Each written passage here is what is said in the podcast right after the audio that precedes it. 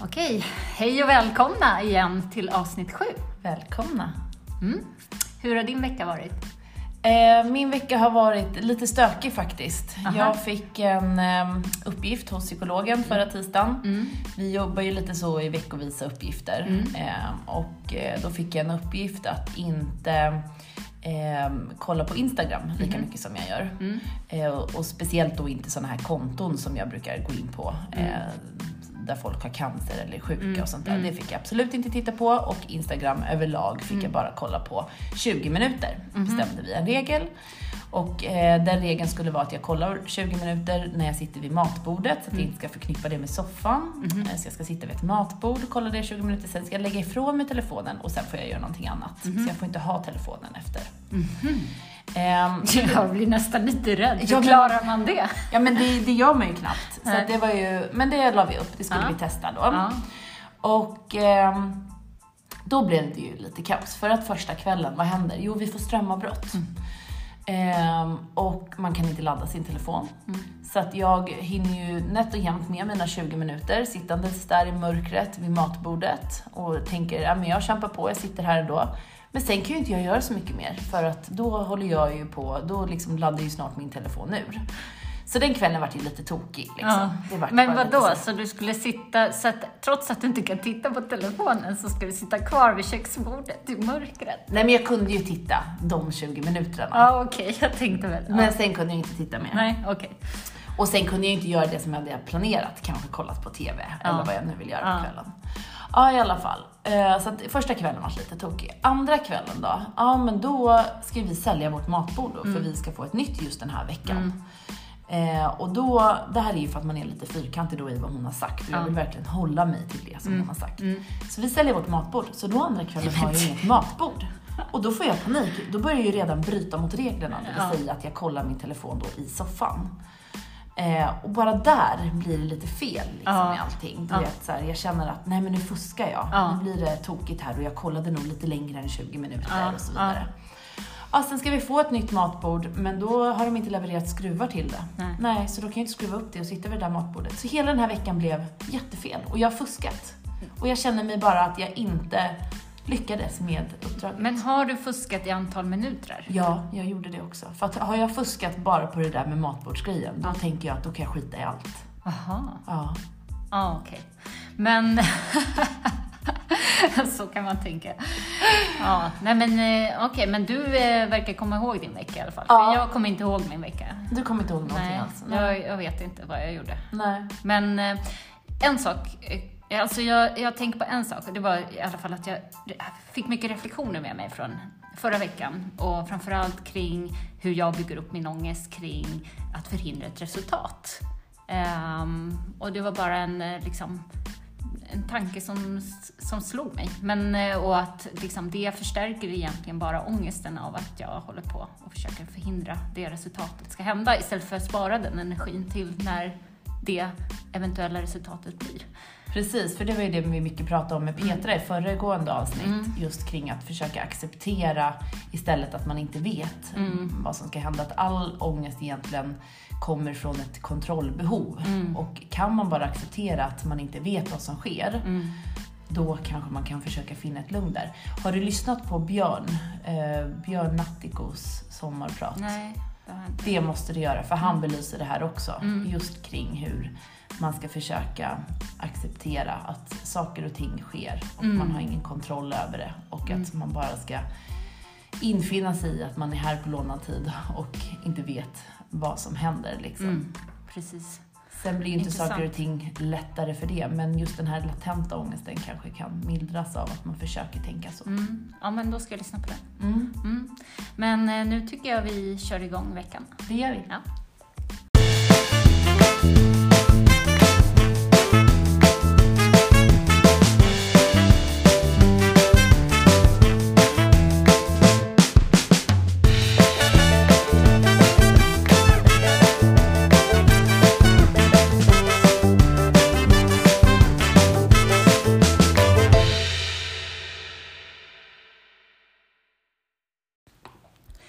Gingen är gjord av eh, Vindal Music, som vanligt.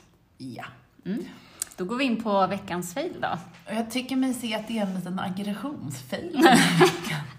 Har vi det här temperamentet, Anna? Vi känns ju väl så glada hela tiden. Ja, det finns en, eh, ett litet hett temperament där. Hos båda oss, tror Ja, jag. det tror jag. Men eh, du får börja som vanligt. Ehm, alltså det finns ju många att välja på här, men eh, jag hade ju en incident här, här om veckan när jag hade en kräftskiva uppe i en gemensam lokal. Mhm. Och allt vad gäller föreningslokaler och sånt där brukar ju vara ganska stökigt för det är så många som har så mycket åsikter om det. Men eh, eh, det jag i alla fall gjorde var att vi hade kräftskivan där uppe. Jag dukade ordning, hade ja, gjort i ordning allting och efter plockade jag i ordning eh, efter oss och städade och sådär. Eh, och eh, är väldigt noga med sånt där från början för att man vet att folk tycker så mycket åsikter. Så att jag har liksom redan byggt upp innan att jag blir eh, liksom, Provocerad. Ja, jag är nästan liksom, nu vet jag att någon kommer säga någonting så att Så du städar inte för att du tycker att man ska göra det? Du städar jag städar för att jag vet att någon jävel kommer ha en åsikt om det. Okej. Oavsett vad jag gör. Och det hade byggts upp hela tiden inom mig. Men jag städar ordning där tillsammans med de andra som hjälper till och vi städar och fixar och eh, gör ordning flera gånger, liksom. Eh, moppar golv och allting så här. Ja. Och sen så tänker vi ändå bara så här, ja men vi går upp även tidigt imorgon bitti och gör det sista för att man, det var så mörkt att man tänker att ja, men, det är ingen mer som ska vara här förrän imorgon kväll. Liksom. Så att i sådana fall kan ju vi, vi ordna det på morgonen. Så klockan nio på dagen efter så går vi upp igen. Och då har ju någon satt ett flyttat hela matbordet, typ för att poängtera, så här tolkar jag det då, typ för att poängtera att det ligger lite smulor kvar under bordet. Och du vet, jag blir så irriterad direkt. Jag är trött, är liksom lite bakis efter gårdagen. Och tänker bara så här, ah, nu är det någon som ska göra någon poäng här, liksom, flyttat bordet. Ja, skitsamma. Vi städar ordning allting och gör klart det sista så att det blir klart. Ja, sen så är det ju någon då som, eh, som kommer upp ur andra ingången. Precis när vi ska gå ner så kommer någon upp och jag tänkte bara nu, nu åker den dit. Så jag går ju fram och så kommer hon fram där liksom. Och jag bara hittar henne och jag bara Ursäkta, hej! Är det du som har flyttat det här bordet? Och liksom ska precis börja elda på om att vi hade minsann tänkt att städa. Varpå hon liksom bara, nej, nej, nej, jag stod bara här nere och väntade på hissen. Och jag bara, ja, ja, okej. Förlåt för min aggressiva framtoning här. Och det där är så typiskt, att jag bara bygger upp hur irriterad jag ska bli innan och sen Ja. får man ju backa när man inser att man har fel. Så Men att, någon eh, kanske bara så här ville fl- bara flyttade bordet. Nej, någon gjorde en Aha. poäng av det där. Okej. Jag är helt övertygad. Du borde sätta upp en arg-lapp. Ja, eller hur? Alltså såhär, vem flyttade bordet? Obs, jag hade tänkt. Och... Och städa under här. Exakt. Bara börja en diskussion. Liksom. Ja, precis. Ja, okej. Ja, nej men eh, det var väl kanske en överreaktion. Det var det. Jag, jag inser det. Mm. Mm, hur gick det för dig då? Jo, men min inträffade ju faktiskt den här veckan som var. Mm. Eh, när vi, efter att vi hade poddat Mm. eh, förra gången. Eh, och så hade jag klippt ihop det där lite snabbt och sen bad jag dig lyssna och komma med om jag skulle lägga in någon mer musik eh, snutt eller någonting någonstans och då återkopplade du och sa ja, men här och där borde vi ha en till musiksnutt. Och så skrev du också så här. Eh, men du behöver inte fixa det, jag kan göra det. Jag behöver bara sätta mig in i hur man gör, så gör jag det på lördag. För du ska alltid göra allting så sjukt snabbt. Ja, men jag får ju, för mig är det så här, jag får ju typ så här nästan, jag, jag vet inte vad det är, men det enda jag tänker på, det är att den där podden måste bli klar, så att jag kan sluta tänka på den. Alltså Det det är är, typ så, så här, annars är det det enda jag tänker på. Om hur jag ska, nej, jag, eh, jag kan liksom inte, eller framförallt kan jag inte vara med mina barn. Nej. Och liksom, och det är ju fel. Och grejen var att den här gången hade jag till och med skrivit upp i min to-do-lista att jag skulle vara en bra mamma. Det, bara det är sjukt, liksom, vem gör det? Men det är ju för att jag vet att jag är så disträ och liksom börjar tänka på saker. Så då tänkte jag så här, okej, det här kan jag åtgärda snabbt. Så eh, medan jag eh, stänger ner för dagen och plockar i ordning för att åka och hämta mina barn och ta, ta med liksom, frukt och allt det där så börjar jag lyssna och redigera samtidigt. Så jag håller på och lägger in snuttar och sådär. Men sen På måste... telefonen gör du det? Ja. Ja. Och sen då måste man ju också lyssna igenom så att det blev rätt liksom. För man måste ju ta bort kanske någon kommentar som blir fel och, och lite sådär. Alltså lite noggrann är jag faktiskt. Så eh, jag märker att ja, jag måste ju sticka, så jag fortsätter lyssna på eh, det vi har, alltså mina redigeringar och sånt där. Lyssnar väldigt noggrant. Jag cyklar iväg, jag cyklar sakta för att jag blir så koncentrerad på det här som händer. Och, och lyssnar så märker jag att jag måste spola fram lite så jag slipper höra allt en gång till och sådär. Är helt inne i den världen. Jag ser en cyklist komma sakta mot mig och jag tänker så här, men han cyklar väl runt, liksom. Ehm, och så fortsätter jag bara så här. Och sen så tänker jag, tänker, jag ser honom, men jag tänker inte på honom på något vis. Jag tänker bara på podden. Och så vet du, precis när liksom, bara möts vi. Liksom. Och jag blev så här, så paff, jag tänkte så här, varför flyttar han inte Nej. sig? Och han gör värsta, han gör en passive aggressive. Nej, han lackar ur på dig. Han lackar ur på mig och bara tittar på mig och bara ah, du vet så. Ja. Och jag lyssnar ju på oss, så Ja. jag har inte tid att liksom ta det då. Nej. Så jag bara så här, vad fan gör du? Cykla på rätt sida, Ja. liksom, tänker jag. Ja. Eh, Ja, han, du säger ingenting? nej, jag tänker det. Han Ja. cyklar förbi, så bara ser jag att jag cyklar ju på fel sida. Nej. Så jag cyklar i fel riktning hela tiden. Ah, Och så bara kommer jag på det. Okej, och jag cyklar över till rätt sida. Och sen börjar jag bygga upp en sån jäkla irritation mot den här killen. Fast jag vet att det var han som hade rätt. Och så kan jag bli bara så här, men bara för att du inte har ADHD. bara för att du lever bland de 80 procenten som det här jävla samhället är uppbyggt efter. Alltså så börjar jag så här. Så det är så jäkla typiskt. Han har ju ingen aning om vad jag går igenom, vad jag gör.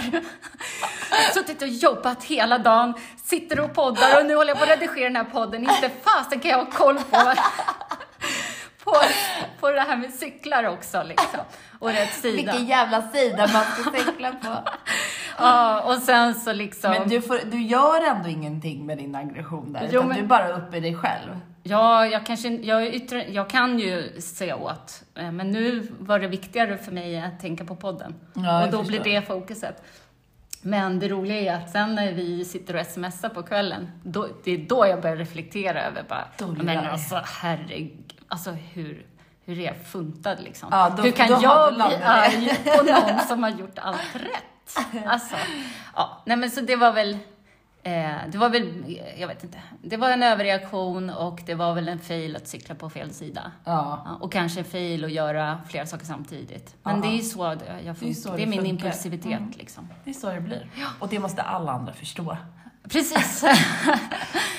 ja, nej men eh, då lämnar vi failen och så Ja. går vi över på veckans huvudämne. Yes. Då har vi kommit in till veckans huvudämne och eh, då ska vi prata lite om våran barndom och uppväxt och hur vi var som, eh, som både små barn men även mellanålder och längre upp i tonåren och sådär och hur vi egentligen har hamnat där vi är idag. Eh, och syftet med det är att eh, försöka se lite och tydliggöra vad det är som egentligen ligger i vår personlighet och vad det är som e- kan ha blivit påverkat eh, från andra håll, Ja, yttre faktorer. yttre faktorer. Och ehm, anledningen till att vi vill göra det är för att just när man eh, utreder ADHD så vill man ju eh, alltid också se hur ADHD då kan ha uttryckt sig redan som barn. För att det är eh, införstått då att man som barn också bör ha några former av symptom kan man säga. Ehm, som visar sig. Och då tyckte vi att det kunde vara intressant att, att gå lite djupare på hur vi har varit som barn. Eh, för det kan ju vara så också att många av de här kriterierna är ju mest anpassade för pojkar som sagt tidigare och det kan ju vara mycket som inte alls stämmer och det är därför just kvinnor får diagnosen senare i livet. Mm, precis. Men eh, eh, man kan ju, när vi har tittat då på kvinnlig ADHD Mm. så kan man ju ändå se saker ur en barndom som eh, kan tyda på ADHD. Mm, precis. Ja, nej men eh, jag vet inte ens egentligen vad jag ska säga. Men om vi börjar från när jag var liten. Alltså jag har ju haft en bra uppväxt. Eh, Jag har ju inga liksom, inget vad jag vet, liksom någon katastrof som eller någon sån här incident som kan ha påverkat mig, utan jag har generellt sett haft en bra uppväxt. Men däremot så var jag ju, alltså jag var väldigt aktiv som barn och ehm, och liksom, jag behövde hela tiden, jag behövde röra mig mycket, men jag kunde också sitta still och leka Mm. och så. Så att eh, där så, därför så har ju jag varit lite frågande om jag verkligen liksom För du var väl ganska först inställningen, alltså din första inställning var väl ganska sådär, nej men jag inte under min barndom har det inte varit någonting. Ja, men precis. Mm. Men sen när vi, när jag har pratat med mina systrar och familj och vi kommer ju in på lite händelser, men så, då börjar man ju tänka efter lite, så bara, ja men jag gick ju hos dagmamma och där kunde det ju vara, alltså som hos, på alla förskolor och dagmamma och sådär, så kan det ju vara lite stökigt. Och som eh, när man har ADHD så kan det vara svårt att filtrera yttre intryck och så utan allt kommer in liksom som en bomb nästan på en gång. Eh, så att eh, för att orka med det så gick ju jag undan då och satte mig liksom med, alltid med en boll. Och jag kommer ihåg det så starkt att jag tog en boll och sen kunde jag sitta, en gång så satte jag mig i deras dusch och hade släckt lampa och allting och bara satt och bolla, studsade. Men vad tänkte dina föräldrar då? då? Nej men det sjuka är ju att ingen visste vad jag var och sen så plötsligt hittade de mig där och jag kunde sitta där jättelänge. Ja. Och, och eh, jag vet att dagmamman tog upp det med min mamma och Ja. min mamma tyckte väl liksom bara att ja men det är väl bra att, eh, att hon har sina sätt att liksom hämta energi på. Ja. Och så skulle jag nog också ha resonerat liksom. Ehm, men där kan man ju se tecken på att jag gick ju undan egentligen för att det blev för stojigt Ja. och jag behövde liksom skärma av. Ja. Ehm, Hur, har du någon ADHD i familjen eller släkten? Liksom, Nej, tillbaka? vi... eh, Du är för eh, gammal för det. Precis. Nej, alltså eh, det är ingen som har fått det tidigare, utan det är jag, min son fick det först och sen jag. Och sen så, ja, det kan ju finnas, min pappa har ju sagt till att det kan ju finnas att det kommer från honom liksom. Men, eh, men, Men då var det ju så himla nytt för er också, när det här kom in. Liksom. Ja, precis. Mm. Temperament och sådär generellt ur barndomen, hur har Ja, men herregud ja. Nej, men alltså jag blir ju triggad så lätt och, och jag tror mina syskon visste hur de skulle trigga mig, vilka punkter de skulle trycka på. Så jag kan ju gå från noll till hundra, Ja. eh, vilket också är lite sådär att man reagerar starkt och snabbt och, och så. Eh, och jag... ehm, Hade du, hur gick det med att prata och talet och sådana här färdigheter? Liksom? Nej men jag eh, vet inte. Där, jag tror att det var inga konstigheter för mig. Nej. Det var liksom inga konstigheter. Nej. Utan det var nog bara att jag... eh, Det var nog de där grejerna, att jag Ja. gick undan och, och lite Mm. sådär. Ja. ja, nej men det var väl lite kort om, om min eh, liksom, tidiga ålder. Eh, men eh, du då, Camilla? Eh, ja, jag har väl inte suttit i någon dusch och studsat en boll. Tycker Men- du att det är konstigt? Ja, jag tycker det är lite märkligt. eh, nej, men jag skulle väl också säga att jag generellt haft en jättebra barndom. Mm. Eh, liksom med eh, eh, ja, en jättebra familj och syskon och det jag har fått höra mest är väl att jag hade ett otroligt hett temperament Mm. som liten. Eh, Och det kan ju jag känna igen i min son. Det vill säga att jag blev, jag blev så arg så att jag typ bet mig själv. Eh, jag eh, låg och liksom kunde skrika på golvet och liksom fick utbrott verkligen. Eh, jag var otroligt provocerande. Jag kunde tydligen eh, ta det här, jag kommer inte ihåg det här, det här är bara vad jag har hört, men jag kunde ta liksom så en glasskål och ställa mig över ett glasbord och bara titta på dem och så här, ah, men nu släpper jag den, Nej. nu släpper jag den. Och så släppte jag den också, för att jag bara ville se vad som hände. Jo, jo. Men du behövde någon typ Ja. av... Stimulans. Ja, precis. Bekräftelse, upp, Ja. eh, uppmärksamhet. Ja. Det har väl varit stående då. Ja. Nej men så att otroligt hett eh, temperament. Eh, jag var ju stora syster så jag hade ju småbröder och har ju slagits sjukt mycket med dem. Mm. Eh, jag tror att de var mer rädda för mig än vad jag var för dem. Eh, och det kan ju man ju få ångest för liksom, senare i livet, att man var så himla elak. Ja. Men Man har- sa ju alltid syskonkärlek. Man sa ju det, Ja. men jag vet att min pappa alltid sa att nej, det finns ingenting som heter syskonkärlek.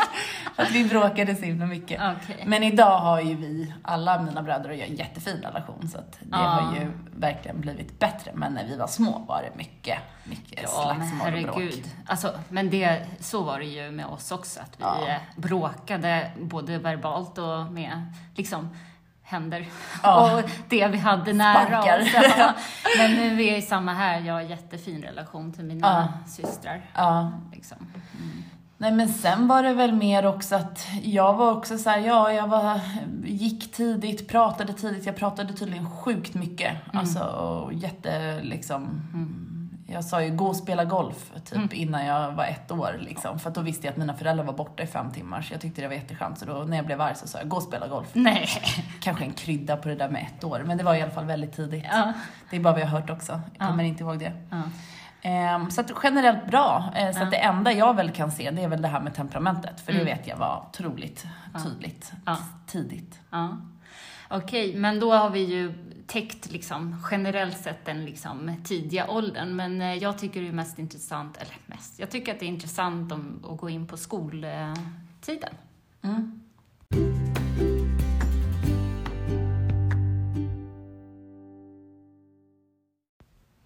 Men om vi kommer in lite mer på skolgången där då. Hur, Mm. hur såg det ut för dig då?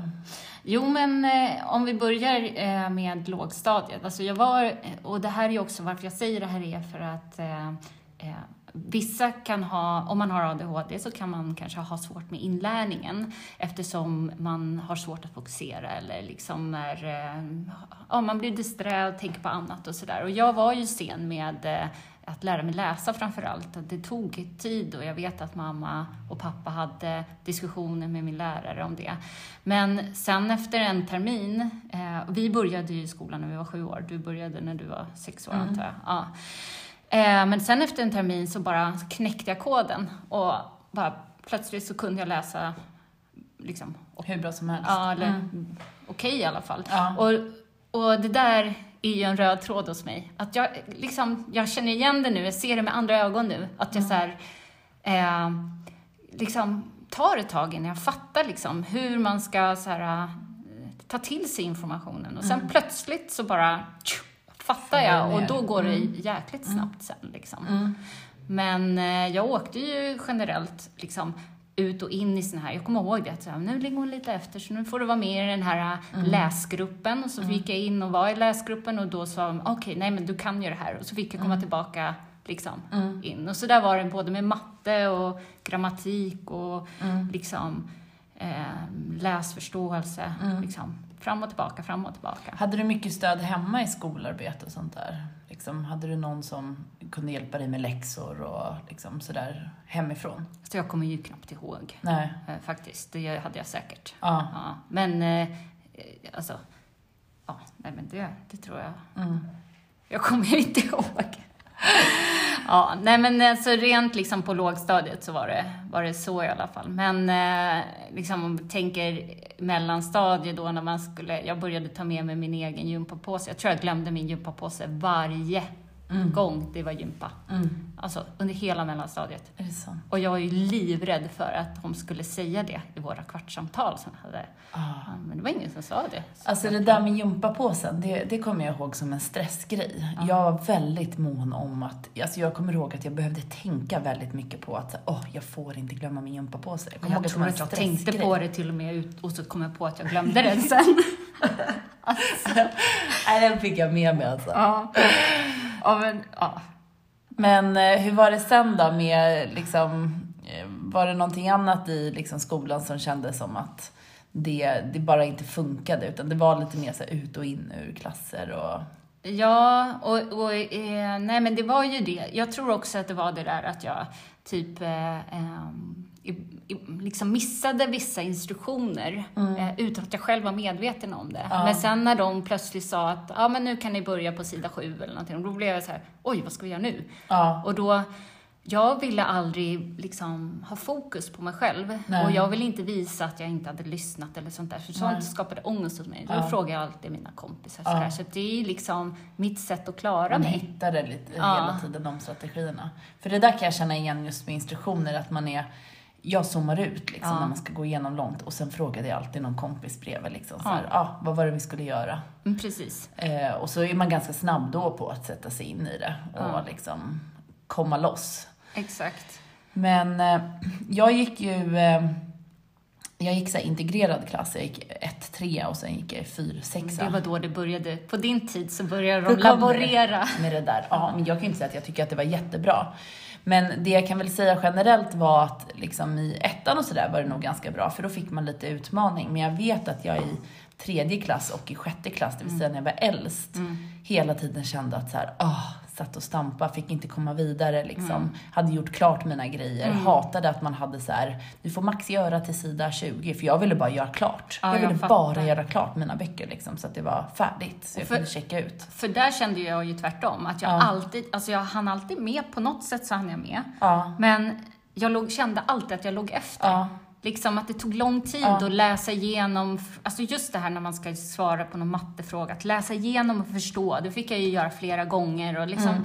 saker tog lite längre tid kände jag, Ja. eh, för mig. Och där kanske det hade varit bra med 1, 3 och 4, 6 för dig, för där får man ju en, en fadder som hela tiden kan hjälpa till och sådär också, som är äldre i samma klass. Ja, Det kanske hade varit bra, för det Kanske. kanske hjälpte mig ja. i den, fast jag vet inte om jag använder det som Nej. Men sen hade ju jag, jag var väl mer en sån som, jag vet att min eh, lärare där inte tyckte speciellt mycket om mig, för att jag var ju sån som kunde snacka på lektionerna.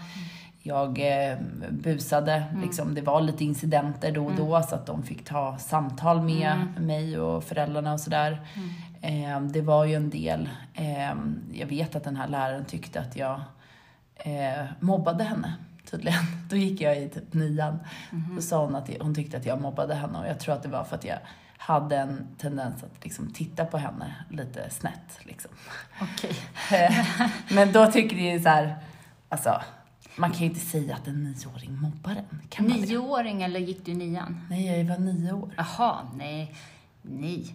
Då måste man ju förstå. Ja, men, Men man, det säger väl kanske en del om lite hur, hur jag var. Ja, och hur tiden var då. Men för jag tänker också så här, hade det här varit en pojke Mm. så kanske man hade tagit det här med föräldrarna och sagt Mm. liksom eh, att eh, ha svårt att sitta still, ha svårt Mm. att fokusera eller någonting. Men nu var du en tjej så då blir du en stökig flicka liksom. Ja, precis. Och jag tror att jag klarade hela tiden liksom skolarbetet så. Det var ju mer ifall jag blev klar. Mm. Ja. Och då tyckte jag att det var liksom lite Mm. tråkigt och satt och snackade med mina kompisar. Eller, eh, men jag var också rädd för att få skäll. Så att man försökte hela tiden att inte få det. Att göra det snyggt. Att göra ja, saker och ting lite i smyg. Jag- Men jag... vet att det var många incidenter där Mm. De liksom ah, skulle säga till om Mm. vad, vad man hade busat med eller vad man hade gjort. Och jag vet bara att jag var mest nervös för att andra skulle göra så att de fick en tillsägelse. Alltså, Ja. så att jag var väldigt mån om att liksom, nu är det lektion, man måste i alla fall liksom, Ja. eh, alltså lyssna typ. För jag, Ja. det värsta jag visste var om det skulle bli skäll på någon i klassen. Alltså det var som att det stressade upp hela mig. Varför det? Jag vet inte. Men jag har alltid varit sån att jag liksom, eh, typ, nej men det, jag tror att det är det där också med eh, den här högkänsligheten. Ja. Att man liksom känner av andras liksom Ja. känslor. Ja. Och jag gillar inte när någon då skulle bli tillsagd. Nej. Så då kunde det stressa mig att någon satt och pratade högt, för då visste jag att den kommer få en tillsägelse snart. Men då- då missar jag ju vad lä- läraren säger, för det enda jag tänker på, det är ju att den kommer få en tillsägelse. Ja, jag förstår. Så att liksom... Alltså var det enda jag kan relatera till det där, det är att jag vet att jag eh, ofta tyckte synd om de personer som kanske var lite utanför. Eller hamnade lite, vi hade faktiskt en kille i klassen som hade ADHD. Eh, och jag vet att jag kunde liksom ha ett så här ömt hjärta för de personerna. Och liksom eh, märkte jag att någon mm, vad ska man säga, blev retad eller sådär, så vet jag att det kunde skapa jättemycket ångest hos mig. Att jag inte visste riktigt hur jag skulle göra för att eh, typ försvara den personen. Eller, eh, och med det sagt så gjorde jag inte alltid det, men jag Mm. vet att det stressade mig. Eh, för att som du säger, att man märker av Mm. Precis, känslor. Mm. exakt. Och där kunde jag vara väldigt, där kunde jag reagera supersnabbt utan att tänka efter. Ja, Alltså om någon kille tafsade på någon tjej eller sådär. ja, Men, men det jag inte läste var, var ju om de hade det som en lek. Alltså Ja. så här, att kanske de tyckte det var kul liksom. Ja. Men jag, blev ju, jag reagerade ju superstarkt liksom. Ja. Och snabbt på bara, vad håller du på med? Liksom. Och jag var ingen kaxig tjej. men ändå vågade du säga Ja men så. sånt, då, då bara, det var som att det gick inte förbi. Nej men det där håller jag med om, för det, det är som att man direkt då behöver säkerställa att det blir i sin ordning igen. Ja, men precis. Ja. Det är något sånt. Mm. Eh, men eh, ja, ska vi gå vidare in på högstadietiden? Absolut. Eller? Mm.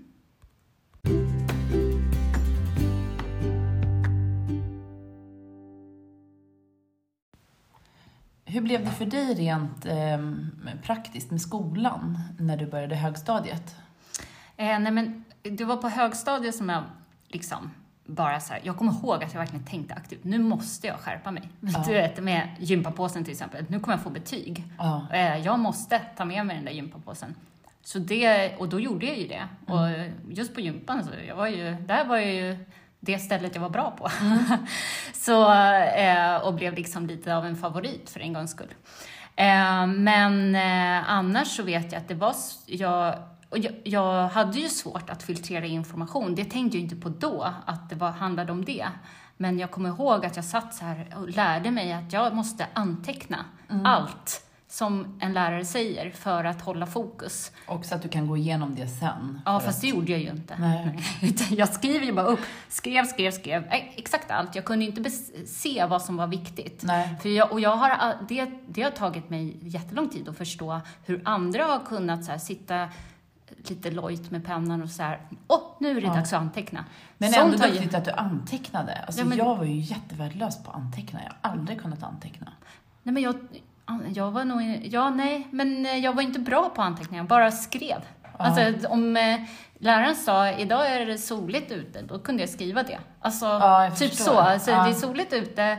Eh, I eh, eh, Indien är import, bla bla bla, Ja. du vet så här. Typ så. Bara för att på något sätt hålla fokus. Eh, och ha något att göra, tror jag.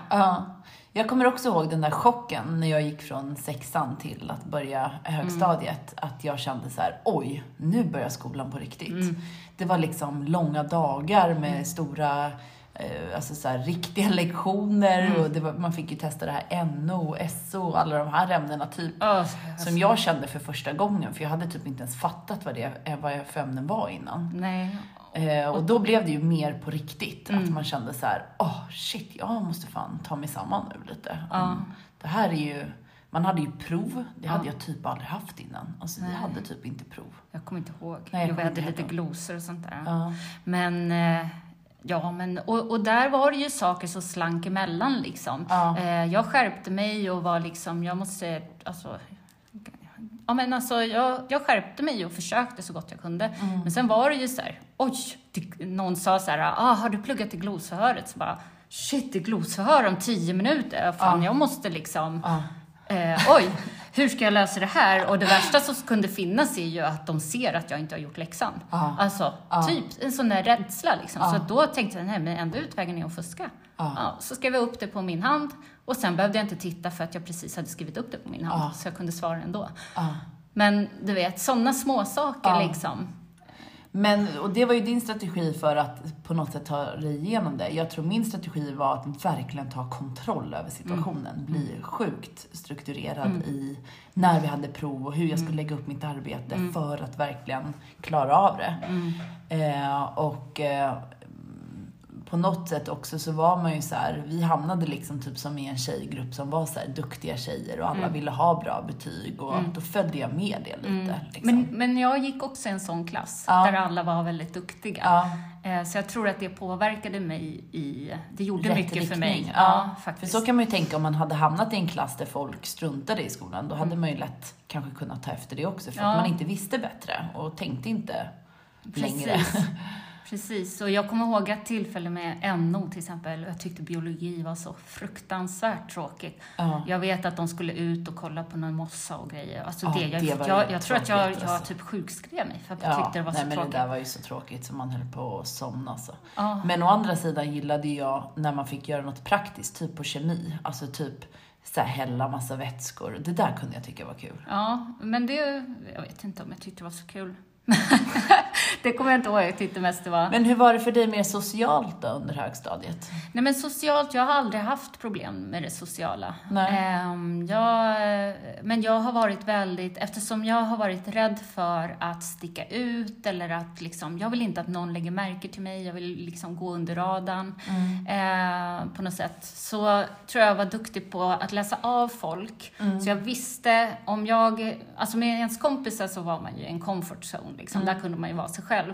Men var det någon som kom från sidan liksom, då var jag snabb på att läsa av, vad är det här för person, vad tycker den om, vad gillar den inte, vad tycker den är töntigt, okej då håller jag mig till det här. Ja, jag Så jag gav dem det de ville ha liksom. Ja, Och på så sätt klarade jag det.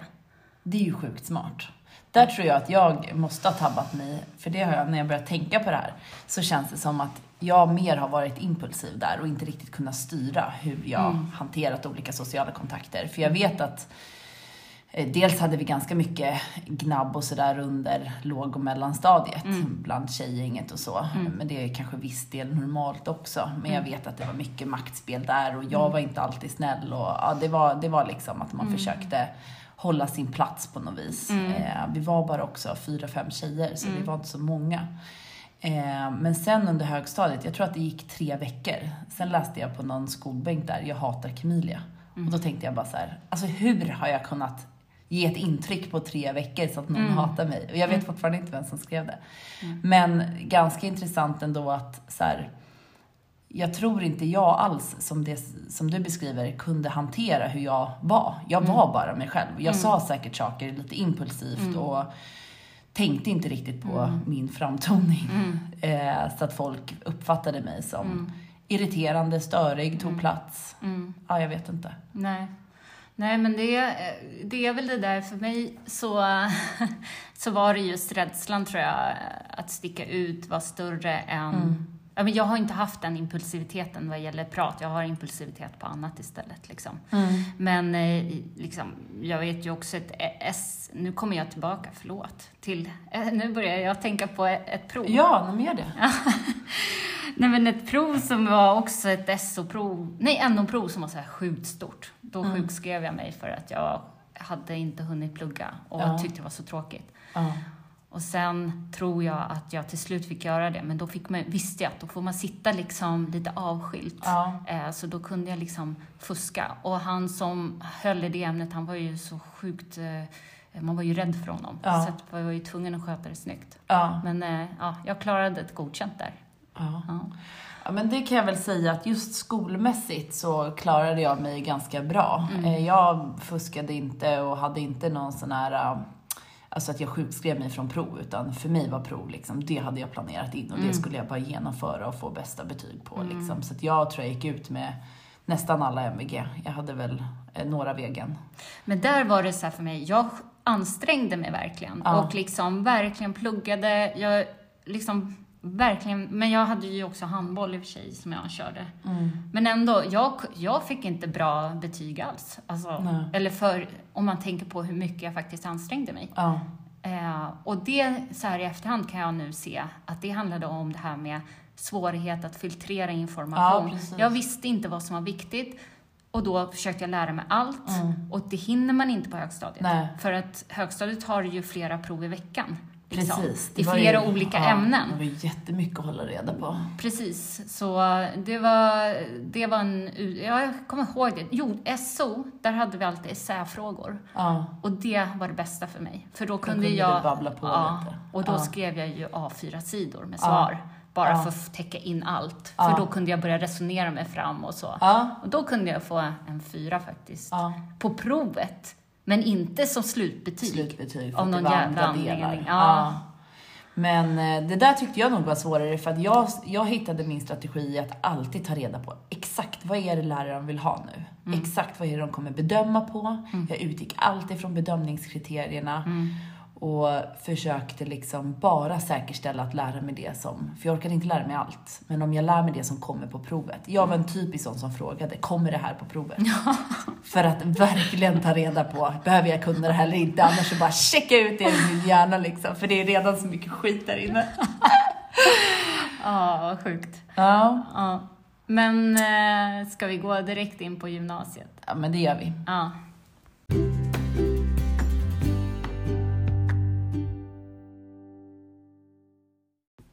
Hur gick det för dig i gymnasiet då och hög, högskolan sen? Hur, liksom, hur hamnade du där?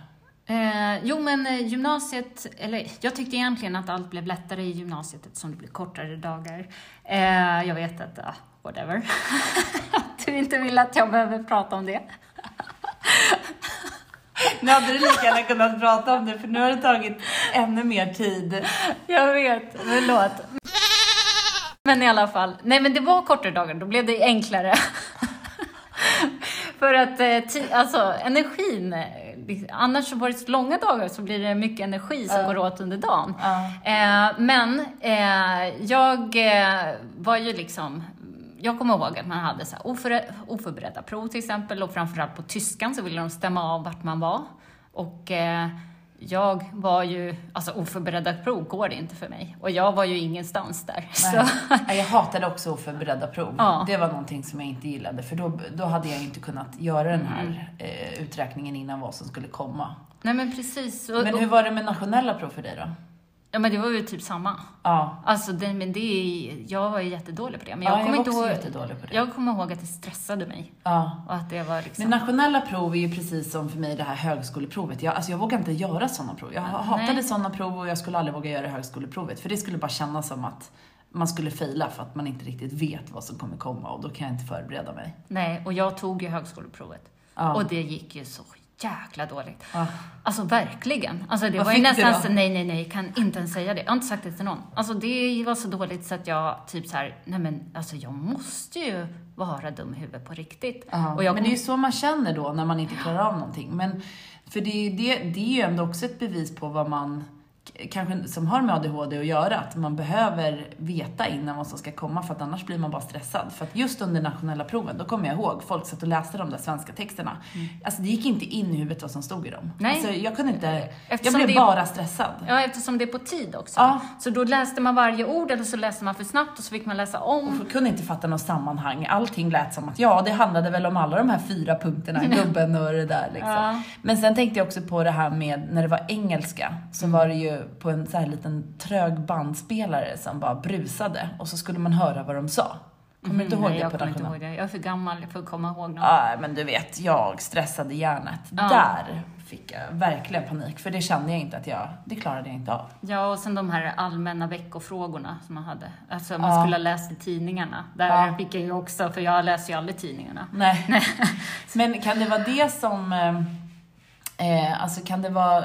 För sånt kan väl ändå tyda på då att, eh, som har med ADHD att göra, att man liksom inte klarar av det där oförberedda på något vis. Att det bara Ja, blir men stress. och sen är det så att de, de brukar ju säga det att också för kvinnor att det blir just i kanske högstadiet, gymnasiet, eh, högskolan, det är ju där liksom du börjar märka att, att liksom du kanske att det är någonting som händer, att man inte hänger med eller Ja. sådär. För att man liksom på något sätt har haft strategier som har funkat så länge. Liksom. Ja.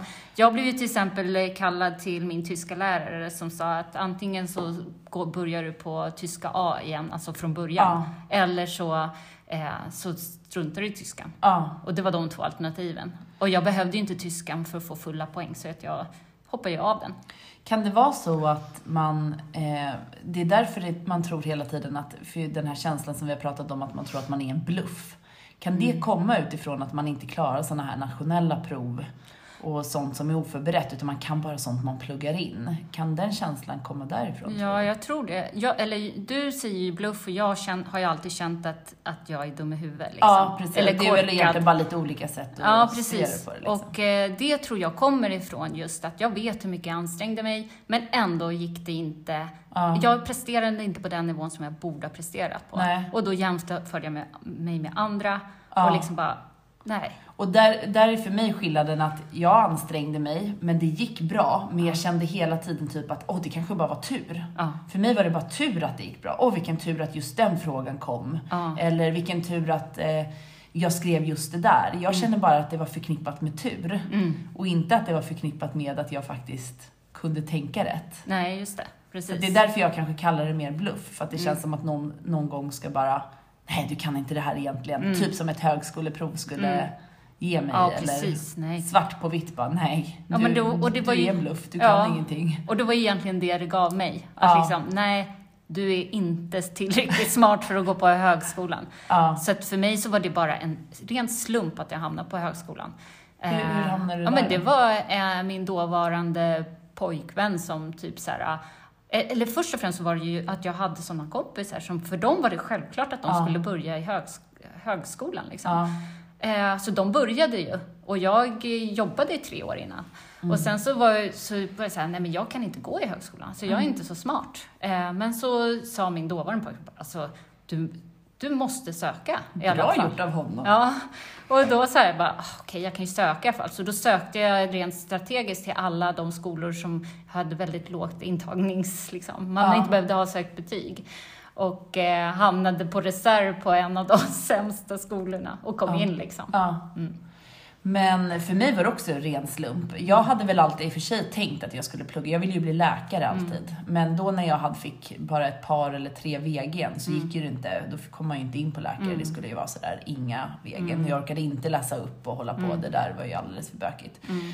Så då sitter jag en gång i Thailand och typ och druckit några drinkar och bara, äh, jag söker till juristprogrammet. Impulsivitet. Impulsivitet. Sökte dit. Eh, tänkte bara, ja, jag vet knappt vad det där handlar om, Mm. men jag kan väl söka dit. Mm. Eh, kom på reserv, 90 tror jag, 93 eller något reserv. Mm. Visste inte ens om jag skulle åka på det där uppropet, men i sista sekund så bara, ah, men jag åker dit då. Kom dit. Eh, det sista namnet de läser upp, det är mitt namn. Mm. Och så kom jag in och så Det började jag. sjukt. Det är helt sjukt. Mm. Och då började ju en stor stress, för det var ju Ja, maffigt. jag tänkte säga det att det var då, när jag började i högskolan, som jag förstod att alltså, ska jag ens ha en chans, jag trodde ju inte ens att jag skulle klara av första kursen, Nej. då måste jag lägga upp det här. Så Mm. att jag, och liksom verk, nu måste jag skärpa mig. Mm. Så då la jag upp det på ett sätt så att jag skulle klara det. Mm. Eh, fortfarande trodde jag inte på mig själv. Men så Mm. märkte jag ju att jag fick bra betyg Ja. då, plötsligt. Men det var ju också där som min prestationsångest kom in. Ja. Jag förstod att ska jag någonsin kunna jobba, liksom, eh, göra bra ifrån mig på jobbet, göra bra ifrån mig i skolan, då är det den högsta, liksom, min högsta fokus måste ligga där. Jag kan, in, ja, jag Mm. kan inte släppa garden, jag kan inte liksom dra ner på min prestation, för då kommer jag prestera under liksom, alla andra. Mm. Jag måste ligga högst upp. Och det, Mm. var så, liksom, det var så mina tankar gick då. Mm. Eh, och det var så liksom min prestationsångest började. Mm. För innan dess hade jag inte så mycket prestationsångest. Nej men det är intressant att du säger det, för att jag fick också mycket mer prestationsångest Mm. just under juristprogrammet. Och Mm. det var ju för att många där var så sjukt smarta Mm. och duktiga och ambitiösa och visste precis vad de skulle göra med sin juristutbildning. Mm. Och jag kom in där på någon liten räkmacka och bara kände så här, eh, Mm. hur ska det här gå till? Vad ska jag ens med det här till? Är det här roligt? Liksom. Men på något sätt så tog man sig igenom det. Och jag var ju inte en sån som spikade högsta betyg i alla ämnen, men jag skrev i alla fall alla tentor på utsatt datum. Så jag ville ju bara bli av med skiten. Och för mig var det viktigt att få bra betyg. Ja, Ja, det, faktiskt. skulle, det borde det ha varit för oss Ja. också. Eller det var det ju för oss, men Ja. jag orkade inte det till slut. Det, det var för jobbigt. Mm. Men jag tror så här att vi får nog fortsätta den här diskussionen om hur vi har hamnat där vi har hamnat Ja. eh, med liksom eh, vår vuxna ålder i ett annat avsnitt. För det här börjar bli Det börjar spåra ut nu. ja, Det var en lång, eh, det var en lång, ett långt utlägg. långt utlägg. Ja. Mm. Nej, men så jag tycker att vi går vidare på våra ADHD-kriterier. Precis.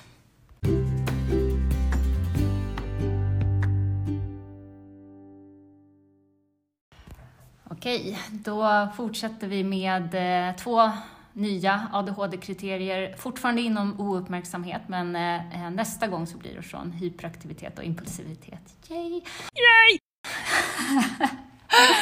Eh, men eh, då ska vi se. Eh, nummer ett här på vår lista är, är ofta lättdistraherad av yttre stimuli. Och här tar de ju upp exempel som jag inte kan känna igen mig i, som till exempel att man glömmer bort att följa upp telefonmeddelanden, betala räkningar eller komma till avtalade möten. Mm. Eller telefonmeddelande kanske jag glömmer. Men det, jag kan ju känna lite direkt att nej, men det där gör jag ju. Men det enda jag kan känna är att jag vet att jag måste göra sånt där direkt för att till exempel typ betala räkningar. Men jag lägger allting i autogiro. Jag betalar alltid en räkning så fort den kommer. För att, och lägger den nästan direkt så att jag bara vet att det ska dras. För jag hatar att ha sånt där efter mig. Då är jag rädd att jag glömmer det. Ja, nej, men jag, jag tror så här att vad gäller så här avtalade möten och sånt där, det, det har jag liksom Alltså det har bankats in i mitt huvud att man kommer inte sent. Ja. Liksom. Och du vet, så att jag har ju varit liksom så här, för jag vill inte att någon, jag vill inte att någon annan ska bli drabbad av att jag inte kommer i tid. Så det har jag hållit mig till. Men däremot så är jag lätt distraherad. Alltså, jag sitter med någonting på jobbet, sen dyker upp ett mail, då ser jag det. Då ser jag, just det, det där måste jag ju göra. Och då måste jag skriva upp det någonstans. Och då skriver jag ju upp det på det första stället som jag ser. Alltså kanske i OneNote, bara för att det är det jag har uppe. Så skriver jag ner det där. Eh, för att jag inte ska glömma. Och medan jag skriver ner det där så ser jag en annan sak som står på just det bladet. Att liksom, eh, något annat ämne så bara, ah, det måste jag följa upp på. Så då eh, börjar jag följa upp på det och glömmer bort det jag höll på med från början. Och så det slutar med att jag sitter med fem olika saker samtidigt. Ja. Och det här är också det där som du sa. Alltså jag måste skriva upp det. Om inte jag skriver upp det på en gång, då, Då glömmer glömmer, jag det. Ja. Och jag är så rädd för att glömma Men det saker. där är jag också när jag till exempel sitter och jobbar. Alltså, det kommer grejer från olika håll Ja. och telefonen. Jag måste lägga undan sånt om jag ska bara liksom fokusera. Ja. Det är därför jag kan tycka att corona är ganska skönt. Man sitter hemma, det är ingen som kommer och stör en. Eller Nej. man kan inte bli störd i ett öppet landskap av någon annan som säger någonting. För att mina öron är hela tiden på spänn och man hör liksom allt vad folk säger.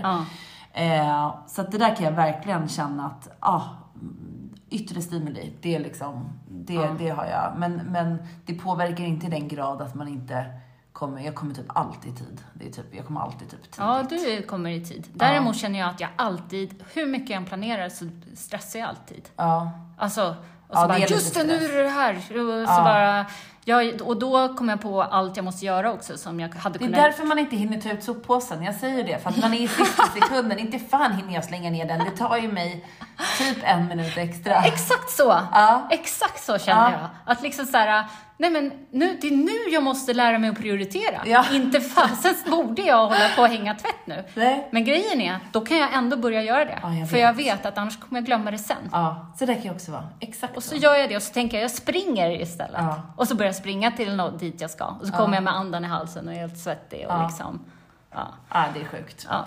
Okej, det andra då? Eh, är ofta glömsk i det vardagliga, i det dagliga livet. Eh, ja, nej men alltså. Samma grejer. Ja men det där är ju check och bock på den. den klarar jag väl direkt. Ja men alltså man glömmer ju grejer hela tiden. Alltså Ja. det känns som att jag har glömt min vattenflaska på typ sju olika ställen i Sjöstan. Det är liksom, jag bara ställer den någonstans och så går jag ifrån den. Glömmer grejer när jag ska gå. Och speciellt, jag tycker det föder, ju mer stressad man är ju mer glömmer man ju. Jo, så är det. Mm. Absolut. Och sen så är, har man ju mer en lugn och ro, då liksom, då har man mer bättre koll på sina grejer liksom. Men man glömmer ju till exempel Men man glömmer ju ändå grejer. Ja, hela tiden. Alltså, Mm. om någon säger bara så här, glöm inte ta med den där grejen till mötet. Mm, då glömmer man den ändå. Jag glömmer den direkt. Alltså annars säger jag, du måste påminna mig precis innan jag går Ja. liksom. Jag vet. Och det är, alltså, ja. Nej men eh, alltså, bara för, bara för två veckor sedan så tänkte jag så här, men jag kanske inte har ADHD. Mm. Alltså för jag tyckte liksom att mina symptom var så, jag bara, Mindre. nej men det sitter alltid i mitt huvud. Men då samma vecka så började ju allting liksom, jag kommer inte ens ihåg vad det var jag glömde. Men, Nej, du, nu tänker jag så här, tänk om vi skulle få typ Alzheimers. Nej men det är det, jag, det är det man är rädd för, för att jag har ju afasi också, att jag glömmer ord och, och sånt där. Men du, det gör min mamma. Ja, Och hon har ju ADHD, hon vet bara inte om det. Boom! nu vet hon. Nu vet hon. Nej, men jag tänkte bara säga att eh, den veckan då när jag började tänka att jag inte har ADHD, det var då jag först glömde, jo, jag glömde min mobil inne på skolan, eh, Viktors skola. Han cyklade iväg, kom på det, nej min mobil! Och det här är ju min privata mobil, det är liksom mitt allt. Så det var bara att cykla tillbaka, hämta den, de hade inte stängt den så det var lugnt och den låg kvar, tog den, cyklade till Viktors fotbollsträning, märker att jag glömmer hans skor, fotbollsskor, och det här är ju superviktigt för honom eh, med fotbollsskorna. Så jag säger till och med till honom så här, jag cyklar hem och det är ändå så 20-25 minuters cykling, enkel Åh, väg. Jag bara, jag cyklar hem och hämtar dem åt dig, liksom. Det är lugnt. Men då var han så här, nej men mamma, det är lugnt. Det, det gör Åh, ingenting. han är så god. Ja.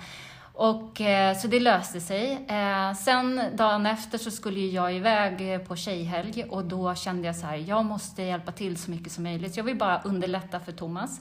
Så jag började sätta på Viktor alla fotbollskläder för han ska på match. Och bara så här, sätter på så att han har allting. Och så stressar jag runt och jag gör ju allting i sista timmen när jag själv ska iväg liksom. Istället för att göra det eh, i god tid. Och så får jag ett sms när jag väl är borta att jag hade satt på honom fel fotbollströja. Jag hade inte satt på matchtröjan. Där det står hans namn där bak och han blir ju så ledsen. Han sa, så skrev Thomas att det är katastrof liksom. Eh, och det här, det är då jag känner så här att nu är det liksom inte ens kul längre. Nej. När det liksom, allt jag ville var att hjälpa till och så drabbar det min son Mm. som liksom själv har ADHD och där rutiner är viktigt och sådär. Men vilka utmaningar det där är alltså, när ni lever med båda två har det liksom. Ja, det måste precis. vara jätteutmanande. Men då kunde du inse att du hade ADHD igen. Ja, och sen så kände jag också så att stackars Thomas alltså, han måste ju kontrollera mig i Ja. allt jag gör. Men du, det här med närstående och leva med ADHD, det kommer vi ju prata om snart. Ja, det måste vi. De har ju lovat oss. Ja, precis. Men hörni, tack för idag. Tack för att ni lyssnade. Det Mm. blev långt, men jag hoppas att ni kan känna igen er mycket och att ni eh, kanske lärde er någonting. Mm. Och glöm inte att gå in på våran eh, Instagram och följ oss där. Precis, ADHD-kvinnan och hypokondriken. Bra. Vi ses nästa vecka. Det gör vi. Hej då.